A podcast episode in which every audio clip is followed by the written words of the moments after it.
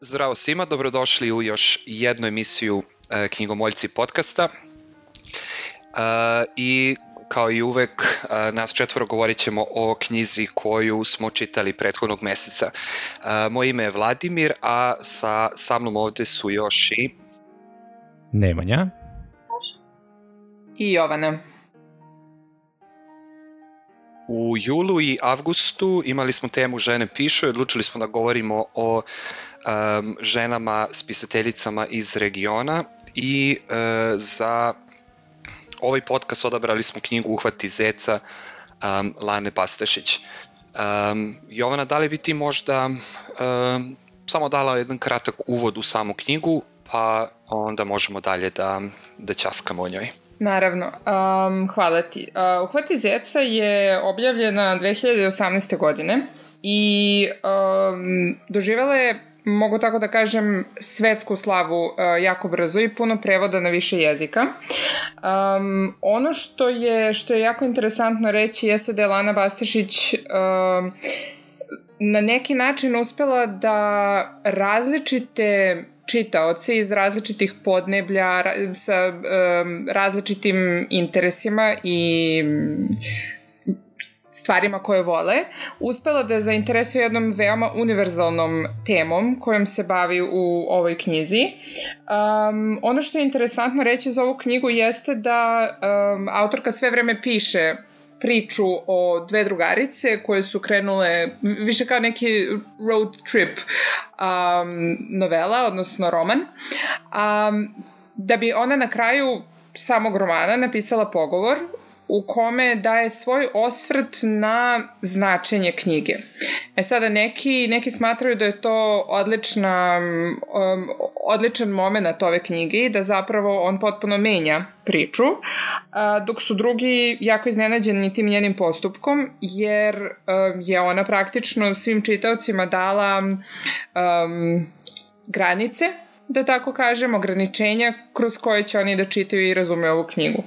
Meni je zbog toga ova knjiga bila jako interesantna i jedva čekam da pričam o njoj, tako da, eto, možda možemo da počnemo. Kako se vama dopala knjiga? E, ja ću samo da se nadovežem na to što si rekla, pošto sam i ja čitao isto taj pogovor uh, i razmišljao sam o tome. Mislim da ona samo nije očekivala da E, ljudi shvate e, ovu knjigu kao priču o dve prijateljice, jer je ona mislila da je to nešto potpuno normalno. Um, mislim da u njenom umu uopšte ta tema nije bila toliko šokantna koliko je na kraju uh, se ispostavilo da jeste uh, i koliko malo zapravo ima literature na, na tu temu. Pa meni se dobala knjiga, ja sam za ovaj podcast je pročitao još jednom. Um, i pronašao sam mnogo više stvari nego što sam je čitao prvi put zapravo i nisam siguran da bih protumačio sve uh, na taj način na koji ona rekla u, u tom pogovoru, ali pričat ćemo već o tome, ima dosta, dosta i simbolike i svega drugog u samoj knjizi. Ne znam, Nemanja Staša, kako, kako se vama dopala knjiga? A meni se knjiga zapravo a, imao sam, da kažem, različito mišljenje u početku. Ove, prvenstveno što, eto, krenulo je sa citatom Luisa Carrolla i tako nekim stvarima koje mi je nekako delovalo iskreno malo da, da je kliše, ali posle kako sam čitao već, e, već sam stvorio neki drugi ovaj, drugu sliku o samoj knjizi. Takođe što se tiče pogovora, a, skroz složio bih se i sa Vladom i sa Jovanom da skroz stavlja knjigu drugi kontekst, jer ja sam skroz drugačije imao utisak, skroz drugačiji utisak da zapravo se radi o nečemu drugom i da likovi treba da predstavljaju nešto drugo i tako dalje, ali uh, mislim da je um, mislim da je izbor da bude pogovor, a ne predgovor, zapravo mnogo bitniji, jer da bi, da bi bilo drugačije, a već bismo imali neke očekivanja i već bismo, već bismo stvorili neke ove, ovaj, slike opet koje bi nam približili možda uh, radnju same knjige, ali na ovaj način knjiga dobije sasvim novi ovaj, um, novu smisao i po ponovnom čitanju takođe dobija skroz novu dimenziju. Ne znam, ja sam zapravo, ja sam krenula da čitam i tipa do polovine knjige i slično, imala sam, ne znam, primjećivala sam određene metafore, simbole i onda sam imala, ne znam, prvo sam bila previše rado, radozmala, htjela sam možda da potvrdim neke moje pretpostavke i slično, otišla na kraj pročitala a, pogovor i onda bilo vrlo razočarana krajem knjige upravo zato što sam možda sebi prerano dala ključ za čitanje ili za raspoznavanje um, ne znam, nekih detalja i slično i njih, njihovo dublje značenje. Što je s jedne strane zanimljivo, mada Lana Pastašić i sama u pogovoru kaže da se upravo tim činom, tim momentom meša u čitalački posao. Ona je napisala knjigu i ona je hm, dala drugom na, na, tumačenje, u smislu kao pustila je u svet, gde ovim ona zapravo upravo to, ona daje ključ za sobstveno tumačenje svoje knjige, što je s jedne strane u redu, zanimljivo je možda šta je nju vodilo ili šta je ona smatrala za značajne momente. S druge strane, na neki način kvari, zato što u smislu da nema tog pogovora, ja bih sama možda došla do nekih novih zaključka i slično sa svakim novim isčitavanjem. Sada tačno znam na šta treba da se fokusiram i slično i ponavljam možda je zbog toga i ne znam moment završetka knjige, za, završetka čitanja knjige, ne znam, nekako je do samog kraja knjiga malo izgubila ukus zato što do nekle sam pretpostavljala šta će da se dogodi i slično ili znala. Um, no, ja sam trčala pred rudu. Um, Pa dobro da ona je, ona je i rekla da je namerno stavila pogovor, a ne predgovor baš zbog toga. E, da bi čitalac mogao sam da izvuče neke zaključke, a onda na osnovu pogovora možda da uh, shvati neke stvari koje nije shvatio, ali zanimljiva je to sad tema o, o čemu je zapravo knjiga, kako može da se shvati, zaista može da se shvati na oba načina, uh, kao na e, pitanje da li su to dve prijateljice, da li je priča o njima ili je priča zapravo o Bosni, o, o Balkanu u stvari. Ja mislim da je sve to. Ne moram, mislim, ona u brojnim intervjuima, mislim čak i u pogovoru i slično, um, donekle snishodljivo se odnosi prema tom momentu prijateljstva i zašto su se ljudi pod znacima navoda zakačili isključivo za taj moment ženskog prijateljstva ili poređenje sa Elenom Ferrante. Um, možda jeste hm, čudno, u smislu kao kako se do sada nije toliko pisalo o ženskom prijateljstvu ili makar ne u nekoj novijoj književnosti ili slično, ako ne znam, izuzmemo sestre Bronte i ne znam, Jane Eyre, šta meni prvo pada na pamet. Ali kao li dobro, ali baš zato je zanimljivo u smislu pa čak i porediti s Elenom Ferrante u smislu kako ona doživljava ne znam, žensko prijateljstvo ili ako ništa drugo, makar okretanje višem tom nekom ženskom pisanju, ženskoj književnosti, nekom, ne znam, ženskom principu, ženskim temama, jer ne može da se kaže da se tu sada nešto hm, fascinantno dešava. Dinamika je prilično hm, to je putopis, oni idu iz jednog mesta u drugu i traže nešto, kako vidite, zapravo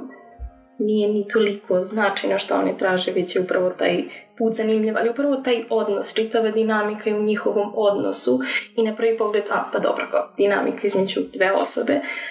ali upravo kroz to pisanje različite opise njihovog odnosa, dešavanja, sećanja, se vidi čitava kompleksnost svega toga i zašto to banalizovati i ne znam, um, u smislu koncentrisati se samo na te velike teme Balkana, Bosne, odnosa, koliko god je to ipak značajno odnosa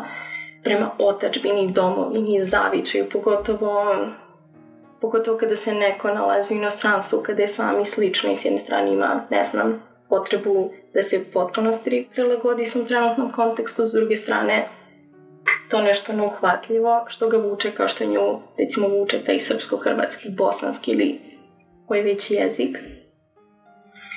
mi se čini da čak i u tom momentu zapravo u želji da sve to zvuči toliko intelektualno, da ima toliko mišljenja na tu temu, zapravo je vrlo fasadno i šuplje. I većina komentara nekako gube na dubini ili kako već, ne znam, to je makar bio neki moj utisak i onda možda umesto da se ne znam, više fokusira na to nešto na prvi pogled banalno kao što je njihovo prijateljstvo, onda samo postaje teško to čitati u smislu da li je Leila osoba ili je Leila isključivo personifikacija Bosne, da li Sara ima podeljenu ličnost. I, i ponavljam da se sve nekako, mm, ne znam, deluje vrlo mm, ne znam, nedovršeno, ni ispričano u smislu želji da se toliko toga kaže i slično, ponavljam, na kraju sve, sve zvuči vrlo šuplje. A vidiš, recimo, bez obzira na to što sam se ja potpuno slagala sa tobom kad smo i pričali ranije o, o, o knjizi i jako sam puno razmišljala o tome kako na prvo čitanje i meni je, moram da priznam da su mi malo dosadile te teme, kao što si rekla, velike priče. I da smo mi ovde baš, baš bombardovani tim temama neprekidno i bila sam u fazonu, ja da li je moguće još jedna ovakva.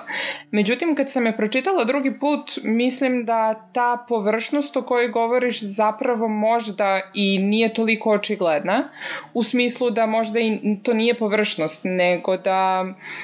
jednostavno um, ti kažeš da li Sara ima podvojenu ličnost. Ja zapravo mislim da možda Sara i nije podvojena ličnost, ali to jeste deo njene ličnosti. Zašto bismo to nazivali pogradnim imenima i zašto bismo davali odmah um, epitet nečeg lošeg, um, blago bolesnog, a, tome ako to jednostavno jeste deo identiteta. I mislim da ovo nije priča, mislim makar za mene, nije bila priča o Bosni, o Balkanu i um, u smislu tih narativa bosanskih uh, i, i, i srpskih ili hrvatskih ili balkanskih, nego da jednostavno je priča o identitetu i o tome kako pomiriti um, dosta suprotstavljene strane. Jer svako od nas ima različite, različite nivoe identiteta i različite stvari koje, koje mi koje se sadrže u nama, odnosno koje smo mi. A Sara je i Leila i Sara. I um, Leila koja je, ajde da kažem, balkansko ime i Sara koja može da bude i strano ime. Može da se potpuno uklopi u Dublin u kome živi. Tako da ne bih, možda ne bih tako, tako na prvu loptu um, ocenjivala kao, kao negativno, ali sa druge strane i meni se na prvo čitanje možda, možda tako činilo. Uh, Vlado, izvini, nešto hoćeš da kažeš? Uh, ja, na primjer, ne mislim da je banalno. Ja mislim da je književne, knj, s književne strane i sa strane zanata vrlo teško uh, personifikovati neki veliki entitet kao što je u ovom slučaju Bosna, e, dati joj ime to Leila koja je odabrala zbog mraka, e, i napraviti takav lik od personifikacije zemlje ili nečega e, da svi ljudi pomisle da se zapravo radi o um, osobi pravoj i da se radi o ženskom prijateljstvu. Ja mislim da je to zapravo veliki uspeh. U tom smislu mi um, je sa te strane to vrlo dobro određeno tehnički i sa strane književnog zanata um, i da nije tako dobro urađeno, da nije tako dobro napisano, mi ne bismo uopšte vodili sad ovu diskusiju. Um, odnosno, Leila, šta god ona bila, uh, na kraju kogod bi mi odlučuje da je tumačimo je jedan vrlo živ lik uh, uspeli lik, zanimljiv, koji našu glavnu junakinju, uslovno rečeno, Saru, odnosno onu koja pripoveda celu priču, um, motiviše na sve drugo u životu koja postaje sastavni deo uh, nje. Eto samo to. Da, uh, mislim, zapravo slažem se, slažem se sa tobom i sad kad si rekao da je Leila živ lik, mislim da je to upravo um, upravo jako interesantno uh, za reći, zato što um, personifikacija jednog ajde da kažem, neživog entiteta kroz takav um, kroz takav um, način na koji Lana piše je, je jako zahtevan, ali sa druge strane e, živost u Leli upravo ističe možda tu um, neživost Sare. Odnosno, Sara deluje kao um, jedna veoma ravna um, ličnost, uh, ravan identitet. Um, ona je veoma organizovana, ona ima svog, uh, svog partnera i on ima svoj avokado i ona, mo moram priznati, i jeste primer te zapadnjačke žene ako možemo tako da kažemo. Znači, ona jeste ta moderna, mislim, avokado, come on. Um, ona jeste ta moderna žena koja se bavi uh, svojim stanom, odnosno svojim bilj, svojim jednom biljkom, uh, živi sa partnerom, radi, odlazi do apoteke i odjednom ona se susreće sa svojim alter egom. Ajde tako da, da, da nazovemo da je to veoma nesrećan izraz, um, ona se uh, susreće sa svojom prošlošću na kraju krajeva i odjednom ta živost ulazi u priču. Do tada je ve, sve veoma, mis, veoma, nije veoma, uglavnom je mirno. Stvari koje naradi su mirne, ali kroz um, unutrašnji uh, dijalog sa samom sobom Sara zapravo je nemirna ona ima to pitanje, ona stalno nešto traži i mislim da je, to, to mi se zapravo na drugo čitanje jako, jako dopalo, jer uh, pored toga što je uspela da, da priča o jednom individualnom odnosu samog sebe sa sobom, o odnosu nas sa svojom prošlošću, o odnosu nas sa različitim e, delovima naše prošlosti, ona isto tako je uspela, mislim, Lana je uspela da, da priča i jednu priču o balkanskom i zapadnom, o istoku i zapadu, o modernom i jednom, hajde da kažem, ne nazadnom, ali starom, tradicionalnom. Tako da to mi je, to mi je recimo bilo jako, jako interesantno da, da gledam i da čitam. Uh, a bukvalno sada kad sam rekla da gledam, zapravo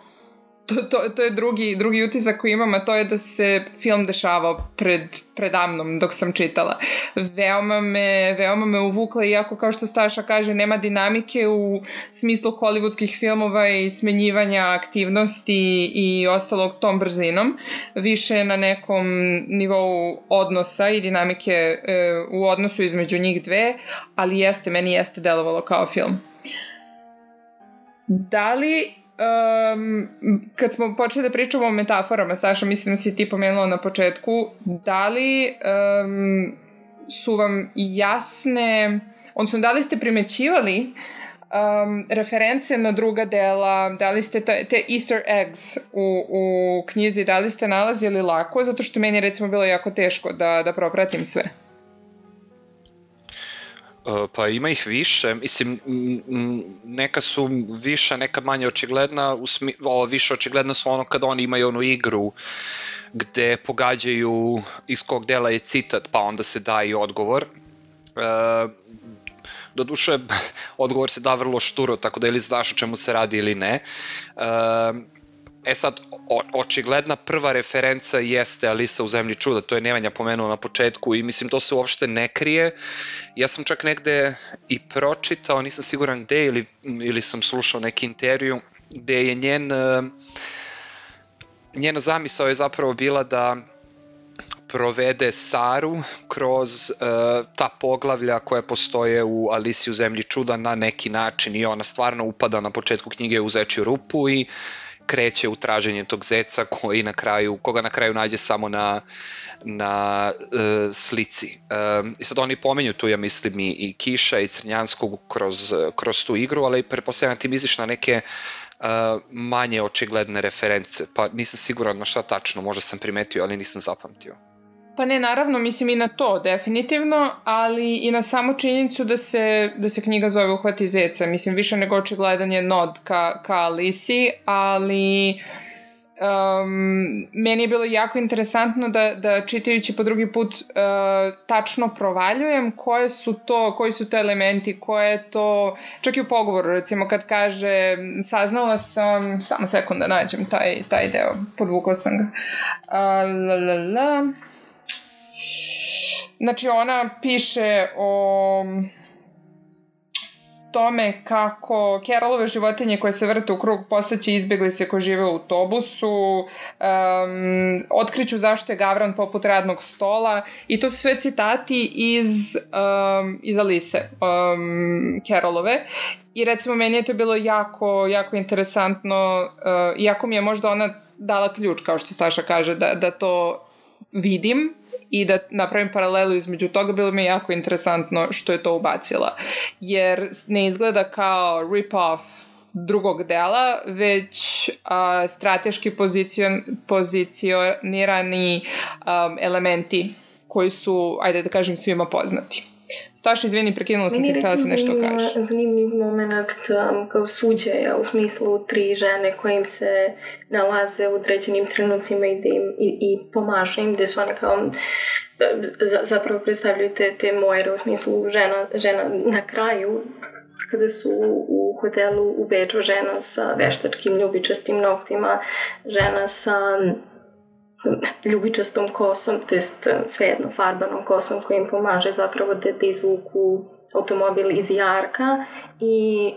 Lejlina prijateljica koja ima ljubičastu kestilu i onda mi je recimo taj moment mi onako bio, bio zanimljiv upravo sa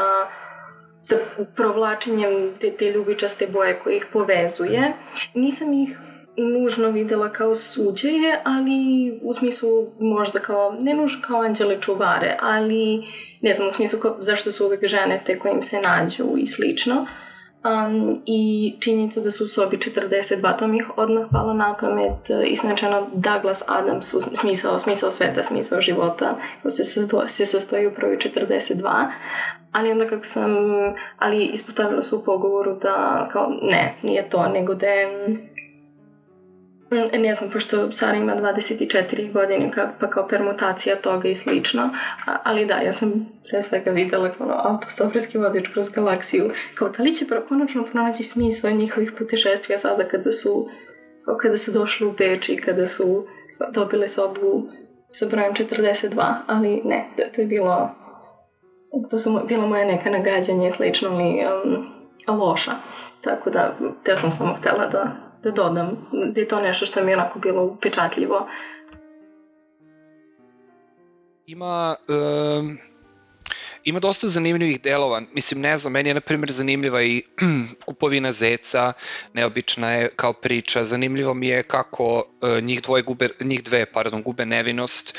um, na jedan potpuno robotski, mehanički način. Um, uh, zanimljiv je, mi je i Sarin odnos prema majci. Um, zapravo ima dosta uh, sitnih epizoda, cela u stvari e, knjiga jeste skup tih sitnih zanimljivih, e, zanimljivih epizoda koje meni ni u jednom trenutku nisu bile, ko bih rekao, patetične. Mislim da kad je ovakva tema u pitanju, kad pričamo generalno o Balkanu, još su one rođene i rasle su u to vreme kad su odnosi krenuli da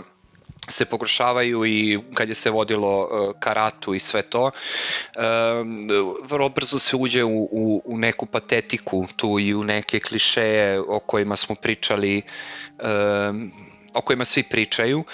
Ja to, na primjer, ovde nisam video i mislim da je upravo njena odluka da uradi tu personifikaciju same Bosne i da stvori uh, lik uh, Lejle uh, i da prikaže čitavu priču kao priču između dve prijateljice uh, dovela do toga da, uh, da može uspešno da govori uh, da govori o ovoj temi. A mislim da onda kroz taj odnos sa Lejlom i to nekakvo stalno pritajeno, u stvari nije čak ni pritajeno, ali to neko divljaštvo koje postoji, odnosno razuzdanost koje postoji kod Lejle, um, da onda kroz, uh, kroz to opiše neke situacije koje stvarno mi svi možemo da prepoznamo uh, ili smo čuli od njima koje su i tipične za odrastanje u bilo kojoj od država regiona, posebno u, u Bosni i, i u Srbiji. Poglavlja koje, su, koje nisu numerisane, odnosno koje su zagradama, a, koje se osvrću na njihovu prošlost, na Sarinu i Lejlinu. A, prošlost meni su bila jako zanimljivija od, a, od poglavlja koje se, da kažemo, dešavaju u sadašnjosti, jer zapravo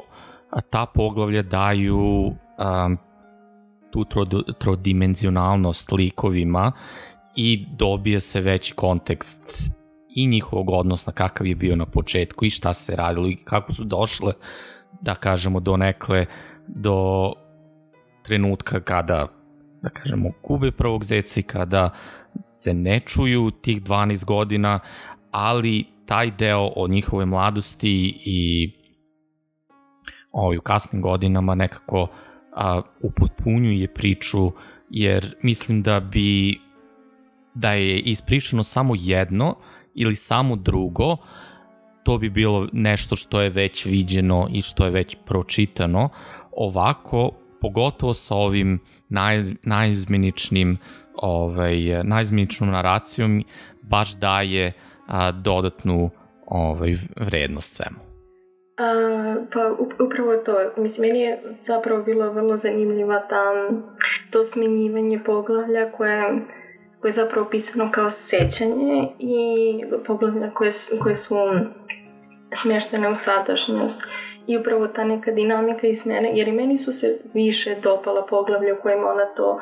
opisuje i onda taj moment u smislu da li ona ulepšava svoje, osjeća, svoje sećanja ili ne, ali upravo ne znam da li bi bilo toliko zanimljivo da nisu u kontrastu sa kao se dešavanjima u sadašnjosti sa tim putovanjem i slično, da onda ta sećanja daju neku, ne znam, tu neku mirnu notu, nešto što ono, that grounds you u, tu, u toj priči ili kako već, dok se ovo u sadašnjosti, ne znam, jer čini se da bi ovo mogla da bude u smislu samo jurnjava, u smislu iz jednog grada do drugog, do Beča i slično i do te neke finalne destinacije. I onda kao ponavljam, upravo ta smena je ono što, ne znam, što knjizi, hm, što je poboljšava, što je ulepšava, što je nekako, ne znam, daje više boje i slično, jer su upravo ta sjećanja nekako tako puna različitih osjećanja i boje i slično i što pozitivnih, što negativnih, dok mi se čini da su ova pisana u sadašnjosti kao čini se su kao to konstantne sarine frustracije Lejlom. Mislim, banalizujem, ali kako se meni možda na prvu loptu to, to učinilo bez nekog u smislu dubljeg promišljanja i razmišljanja, ali to, to je prilike to, tako da kao Jovana konačno dolaziš na red. ne, opušteno. Um, pa da, zapravo mislim dok, dok slušam kako, kako pričate o o ovoj tematici, o toj, toj uh, razlici između sadašnjosti i prošlosti, mislim to definitivno jeste tematika, ali mislim da možda i jeste poenta da ta u prošlosti budu zanimljivije uh, za čitanje. Uh, dinamičnije su svakako i taj život u Bosni se čini um, aktivnim. Uh, čini se da je on zapravo pun živosti dok ovaj sadašnji možda i nije toliko. A, druga stvar koju sam htela da kažem vezano za, mislim i, i Vladu ti što si pomenuo za nepatetičnost ove knjige, a, mislim da je to stvar koja me na prvu loptu a, baš onako odbila i koju nisam želela da nekako razumem, a to je zato što mi se učinilo da Lana piše nešto što bih nazvala možda trendovskom literaturom sa tačno tropama koje su danas popularne. I da jednostavno eto to žensko prijateljstvo, taj odnos između dve žene, to insistiranje na ženskom, jer iskreno nije baš istina da, da e, žene toliko nisu a, zastupljene u književnosti, možda ne na taj način, ali žena pisaca ima od uvek i jednostavno uh, isticanje tih nekih, um, ajde da kažem, moderno-feminističkih uh, momenta ume da bude dosta opresivno. Ali uh, zapravo nije ovo to, tako da tu se potpuno slažem da nepatetičnost ove knjige je jedna od jačih strana. Um, treća stvar koju sam htela da kažem je Staša kad si ti pričala o broju 42 i o tome kako si ti to videla i onda si rekla ali to je to moje loše tumačenje. Uh, ne znam da li bih se složila da ovu knjigu čitam isključivo kroz biografski moment. I iako mi je, kao što sam na početku kad smo počeli da pričamo pomenula da neki smatraju da pogovor dobra stvar, neki loša i tako dalje, da daje ključ da otkriva e, poentu, um, ona otkriva poentu sa kojom je Lana pisala ali svako delo, makar po mom nekom mišljenju, svako delo kada se napiše, ne samo knjiga, ne samo pisano delo, nego svako delo koje neko stvara, ako drugi ljudi to vide, oni imaju puno pravo da to analiziraju i da tumače na sebi svojstven način, iz sebe, iz svoje pozicije, sa svojim emocijama i tako dalje. Tako da mislim da taj broj 42 možda i nije pogrešno tumačenjem i ja sam pomislila odmah na to kad sam videla, i da možda činjenica da oni nisu došli do um, rešenja svog putovanja, do tog nekog cilja, zapravo i jeste komentar na neku, ne, ne, ne mogu da kažem besmislje, ali um, na jednostavno šta je cilj? Šta bi tačno bio ovde cilj. Možda i ne mora da se dođe do cilja. Eto, jednostavno to je jedna neprekidna borba između dva lika, između starenih frustracija Lejlom, kao što si ti Staša rekla, i da možda taj cilj i nije poenta da nije poenta da se dođe do kraja. Nekako navikli smo na veoma linearne, linearne priče, a ova priča je dosta nelinearna.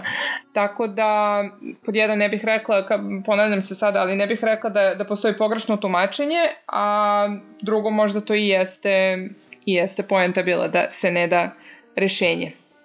Ja, sam, ja bih e, se samo uh, nadovezao na nešto drugo sad, u stvari, to jest ne nadovezao, nego pokrenuo nešto drugo, a to je um, kad se priča o ovakvim temama, na primjer i o, o našoj zemlji, onda neko sad kritikuje o našim zemljama, kako god, zemljama iz regiona, uh, uvek se kaže sad kako mi imamo tu, ne znam, puno problema, ali mi ipak smo duševni ljudi, ovdje imamo više srca i tako dalje. I meni je zanimljivo što u sceni kada oni stignu u Beč i kada sede oko onog jezera i sad Lana ga opisuje kao kao veštačko, kao e, plastično, kao nešto što nije stvarno, kao nešto je previše savršeno i onda kaže sama da ne želi da ulazi u, u, u u to da romantizuje Bosnu samo um, zato što ti znakovi, ona kaže znakovi učmalosti, da su dokaz da mi iz regiona imamo više srca nego oni negde tamo u inostranstvu, parafraziram, ali to je poenta. Ali iako ima taj jedan mali disclaimer u samoj knjizi, ima utisak da upravo to radi, uh, čak i kroz odnos, kroz odnos sa Michaelom, kako opisuje svoj život u Dublinu, uh, kako opisuje njega, kako opisuje svoj stan, um, svoj posao, sve što radi,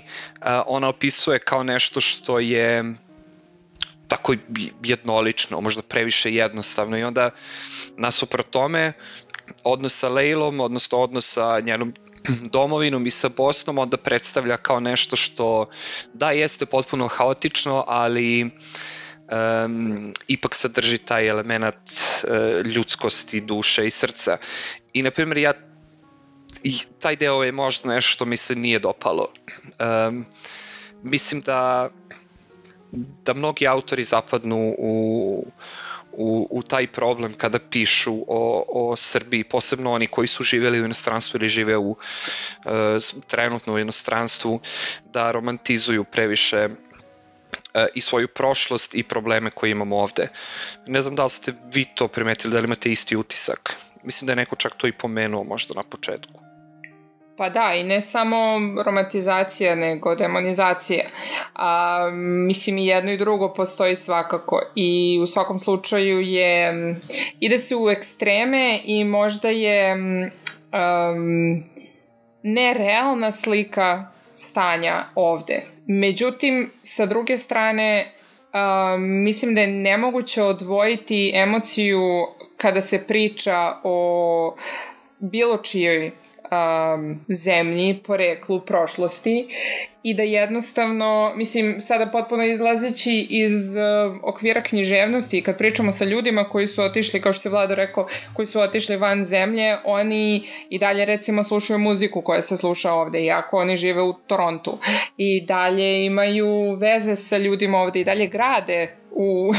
Srbiji u svom uh, kraju iz kog, su, iz kog su krenuli i dalje grade kuće, zamkove i ostale stvari um, kako, bi, kako bi se osjećali blisko uh, tome. I mislim da je to pitanje porekla jer sa jedne strane možemo da se stidimo mesta sa kog smo potekli, sa druge strane možemo da ga obožavamo. Nisam sigurna koliko je realno da mi imamo osjećaj um, objektiv, ne, ne osjećaj, nego da imamo uh, veoma objektivan pristup mestu našeg porekla. Tako da ne znam da li mi se ne sviđa, ali definitivno se slažem sa tobom da, da je to prisutno i da to postoji. Steša? Mm, da, prisutno, ali upravo možda u, u tom, ne znam, bojenju crno-belo se zapravo i nalazi autentičnost tog iskustva, jer opet moment života u inostranstvu, mislim, stvaranje identiteta, stvaranje sebe kao ličnosti je samo po sebi jako komplikovano, a moment izmeštanja sebe iz svog neposrednog okruženja i slično čini taj proces komplikovanijim, pa samim tim i prolazi kroz različite faze koje mogu da variraju od dana do dana. Upravo od tog momenta idealizacije zapadnog drva avokada i slično, upravo taj neki hm, mir, sređenost, sterilna sređenost do, do ne znam, bojenja Srbije, Bosne, Balkana kao takvog vrlo crnim bojama i nešto iz čega se iz čega osoba teži da pobegne do apsolutne idealizacije, ali i ne mogu da kažem da mm, s jedne strane je taj ne, taj park u Beču je bio previše sterilan, kao ali, kao, ali tvoj stan kao u Dublinu sa majkom i drvom avokada kao nije sterilan. A, mislim, žalim se, ali uh, prosto po, ponovo šta mi je kao padalo na pamet dok sam to čitala ali s druge strane kada malo razmislim, ali nije li to upravo u smislu odlazak iz Dublina u Bosnu i onda nednom dolazak u Beč i ne znam, kao toliko različitih osjećanja i sigurno zapravo mi se činilo da ipak taj opis ili taj odnos prema svemu tome, prema čitavom tom dešavanju je vrlo, vrlo realan, ne znam. Pa čak i to je bilo zanimljivo zato što kako je devojčica pala u epilepsiju i slično, da je Leila prokomentarisala da je njena drugarica tako je, koji je žao zato što ona ne zna šta da radi u toj situaciji, ona je zapravo izgubljenija. Mislim, koliko god je, ne znam, situaciju u kojoj se, hm, sada sam zaboravila kako se zovu ili koje su im boje kosa i slično,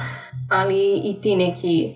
ne znam, momenti, opisi su meni bili interesantni. Da, da, definitivno um, i, meni je, i meni je to bilo interesantno. Um, šta mislite, osim ako ne želite, ne želite da nastavimo sa, sa ovom temom, šta mislite o um, motivu potrage za muškarcem kao pa da, kao zapravo motivom uh, putovanja. Šta, šta mislite o tome da to što se traži zapravo se ne nađe i šta, šta Sara zapravo traži? Pa, evo kako sam ja to shvatio, to mi je možda bilo najkomplikovanije da razumem. Um, imam utisak da je uh, čitava knjiga kao jedan beg iz Bosne, nekoga ko je odlučio da napusti svoju domovinu i da sam Armin, uh, Lejlin brat, predstavlja uh, možda tu obećanu budućnost, nadu ili sreću kad se ode tamo negde preko, koje nikad nema u takvom obliku u kakvom mi očekujemo da, uh, da, da dobijemo. Um, I čitao ovo putovanje kroz Bosnu, izlazak iz Bosne, sve to vraćanje u prošlosti, imam utisak da su te e, slike, skice iz prošlosti um, zapravo samo ilustracija uh, Sarinog prošlog života, ono što je nju oblikovalo kao ličnost, što ona u inostranstvu pokušava nekako da uh, suzbije, da se uklopi uh, u, u tamošnji život um, i onda to radi ponovo sada kada oni odlaze iz Bosne, kada je Leila pozove da, da, je, preve, da je preveze do, do Beča. Onda u Beču Sara shvata da taj Armin, da to nešto za čim ona što je njena motivacija zapravo da, da krene na čitav taj put da zapravo ne postoji kao takvo i da um, taj neki zec koga ona pokušava da, da uhvati, da joj stalno izmiče iz ruku i da uh, postaje samo zec na, na toj slici, na platnu, um, odnosno nešto što je opet vrlo veštačko i to bih možda povezao i sa problemom koji stvarno imaju svi ljudi koji, koji napuste ove prostore i odu negde u inostranstvo, možda je to nešto s čime mogu da se povežu, a to je da su uvek um, između dva sveta, da u inostranstvu nemaju uh, u potpunosti ono za, za čim su krenuli, a da opet ne mogu da, da podnesu da se vrate na staro uh, u, u domovine odakle su potekli. Ja sam na takav način to shvatio i vrlo je moguće da ste vi potpuno drugačije i zapravo me jako zanima kako, kako vi to vidite. Meni je prvenstveno jako interesantno da samo ću se vratiti vrlo kratko na opis Beča, zato što je Austrija i Beč jedna od glavnih destinacija naših ljudi koji idu na privremeni rad u inostranstvu. Tako da, a, kao što je vlada rekao, dakle, a, ti ljudi su uglavnom između dva sveta, što neko može da prihvati, neko ne. A sa druge strane, ako gledamo malo, da kažemo, ne toliko metaforički, a, postoji ta romantizacija da uvek idemo da će uvek postojati neka osoba zbog koje smo spremni da ostavimo sve i uradimo bilo šta. U ovom slučaju to je Sari za Armina, šta god to predstavljalo, da li uh, ta neka običana budućnost ili beg od trenutne situacije i trenutno nezadovoljstvo um, lokacije gde se nalazi ili životom koji vodi, ali um, uvek ili najčešće postoji neka osoba ovaj, ko je taj pokretač bio uzrok ili povod u ovom slučaju, da li je to Leila ili Armin zapravo, ali to je nešto što se često viđa ovaj, u literaturi,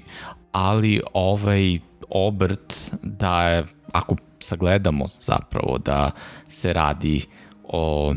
njihovoj domovini, o Bosni, o, o tim dvojnim životima, daje zapravo skroz drugu jednu, da kažemo, tužnu dimenziju e, svega toga, pogotovo šta se dešava na kraju i pogotovo sam kraj koji je eto nedovršena rečenica na kraju. Da, definitivno jeste tužan moment, a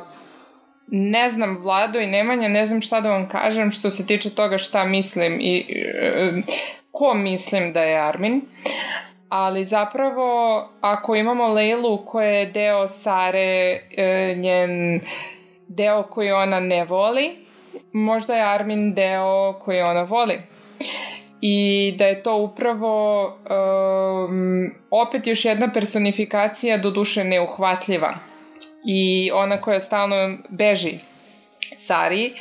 jer ona njega stalno traži i stalno nešto ni, nikako, nikako da dođe dotle, nikako da, da možda je on taj cilj ka kome um, i ka čemu zapravo ona ide, ali nikako da dođe do njega, tako da nisam sigurna da je Armin osoba i da mogu da ga posmatram samo kao muškarca, nekog ko, ko, kog ona želi na taj način, već da i on jeste personifikacija nekih njenih um, dubljih želja. od svega toga. Pa dobro, da. E, definitivno može da se tumači na više načina. Ja e, sam ponudio svoj, ti imaš opet neko svoje viđenje i verujem da mnogi ljudi imaju svoja i to je potpuno ok i to, je, to znači da, da je bilo uspešno šta god da je ona na kraju zamislila. Uh, dobro, svašta, svašta smo nešto rekli u stvari, a nismo se zapravo dotakli um, mnogo stvari o kojima je ona još pričala, uh, pričala ovde i, i sve ono što su oni doživljavali u prošlosti je takođe vrlo um, vrlo zanimljivo. Uh, mnoge epizode su bile vrlo interesa interesantne, barem meni. Staša, htjela si nešto da dodaš ako sam shvatio? Um, ne nužno, možda kao neko sobstveno tumačenje do kraja, slično. Mislim, ne znam, meni je, mi je zanimljiv, ne znam, ironičan čak moment da oni jure Armina, Mislim, s jedne strane kao, hm, da li je zaista kao dva žena, ono što pokreće dva ženska lika mora da bude muški lik, ali zapravo mm, mislim da je to kao svojevrsna kritika balkanskog patriarchalnog društva i taj moment ironije mi je zapravo bio zanimljiv. A sada što on predstavlja, ne znam, meni on predstavlja, to jest verujem da on stvari predstavlja taj neki ideal detinstva, tu neku sreću, to nešto neuhvatljivo, što ona možda na kraju shvata da upravo to ne, ne, može, da, ne može da ga uhvati. I slično i najbliže čemu ona može da dođe je slika toga ili kako već, opet nešto što nije, nije hm, jer ona nije uhvatila tog zeca, to nije, to je samo slika zeca, to je, to je crtež zeca, koliko god uverljivi slično, opet kao nije to to, ali kao to je ipak možda nešto najbliže idealu kome ona može da se približi i možda na, na taj neki način sam to tumačila i slično. Ne znam, u svakom slučaju, Vlado nastavi. Hvala ti, ali, ali nemam šta da nastavljam u principu. Mislim da ako ništa se slažemo da svakako vredi pročitati knjigu, ona je meni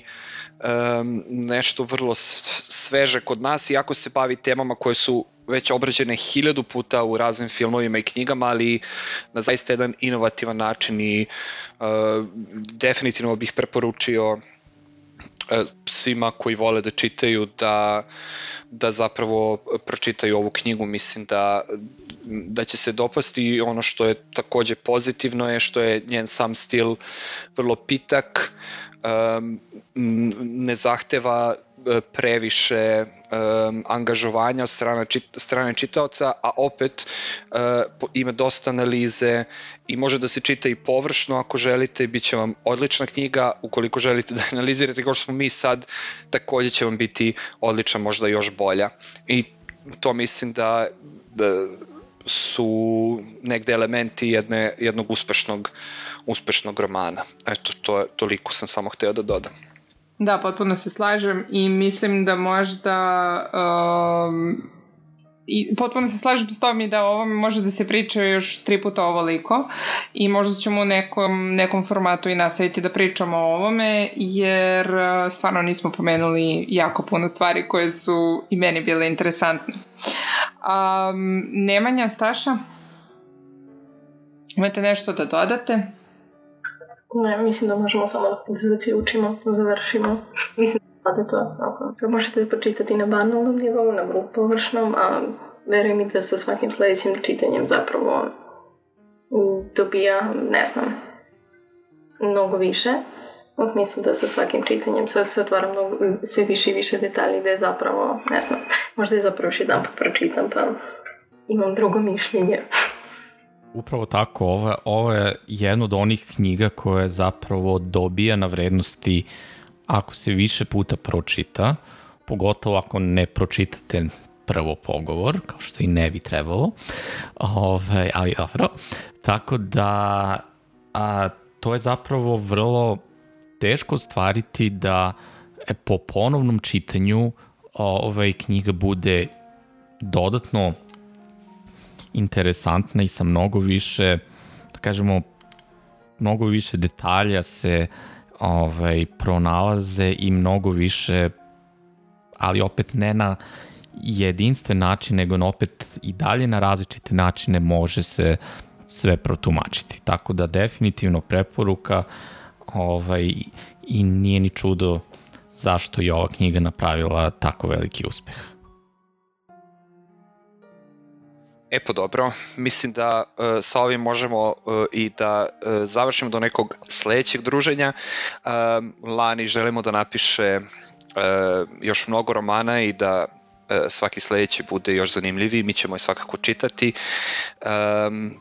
i preporučujemo Uhvati zeca uh, svima koji nisu već uh, pročitali, koji jesu, slobodno neka pročitaju ponovo i pronaći će mnoge zanimljive stvari koje su propustili. Toliko od knjigomoljaca e, za ovaj podcast, pa se čujemo ponovo i čitamo se u međuvremenu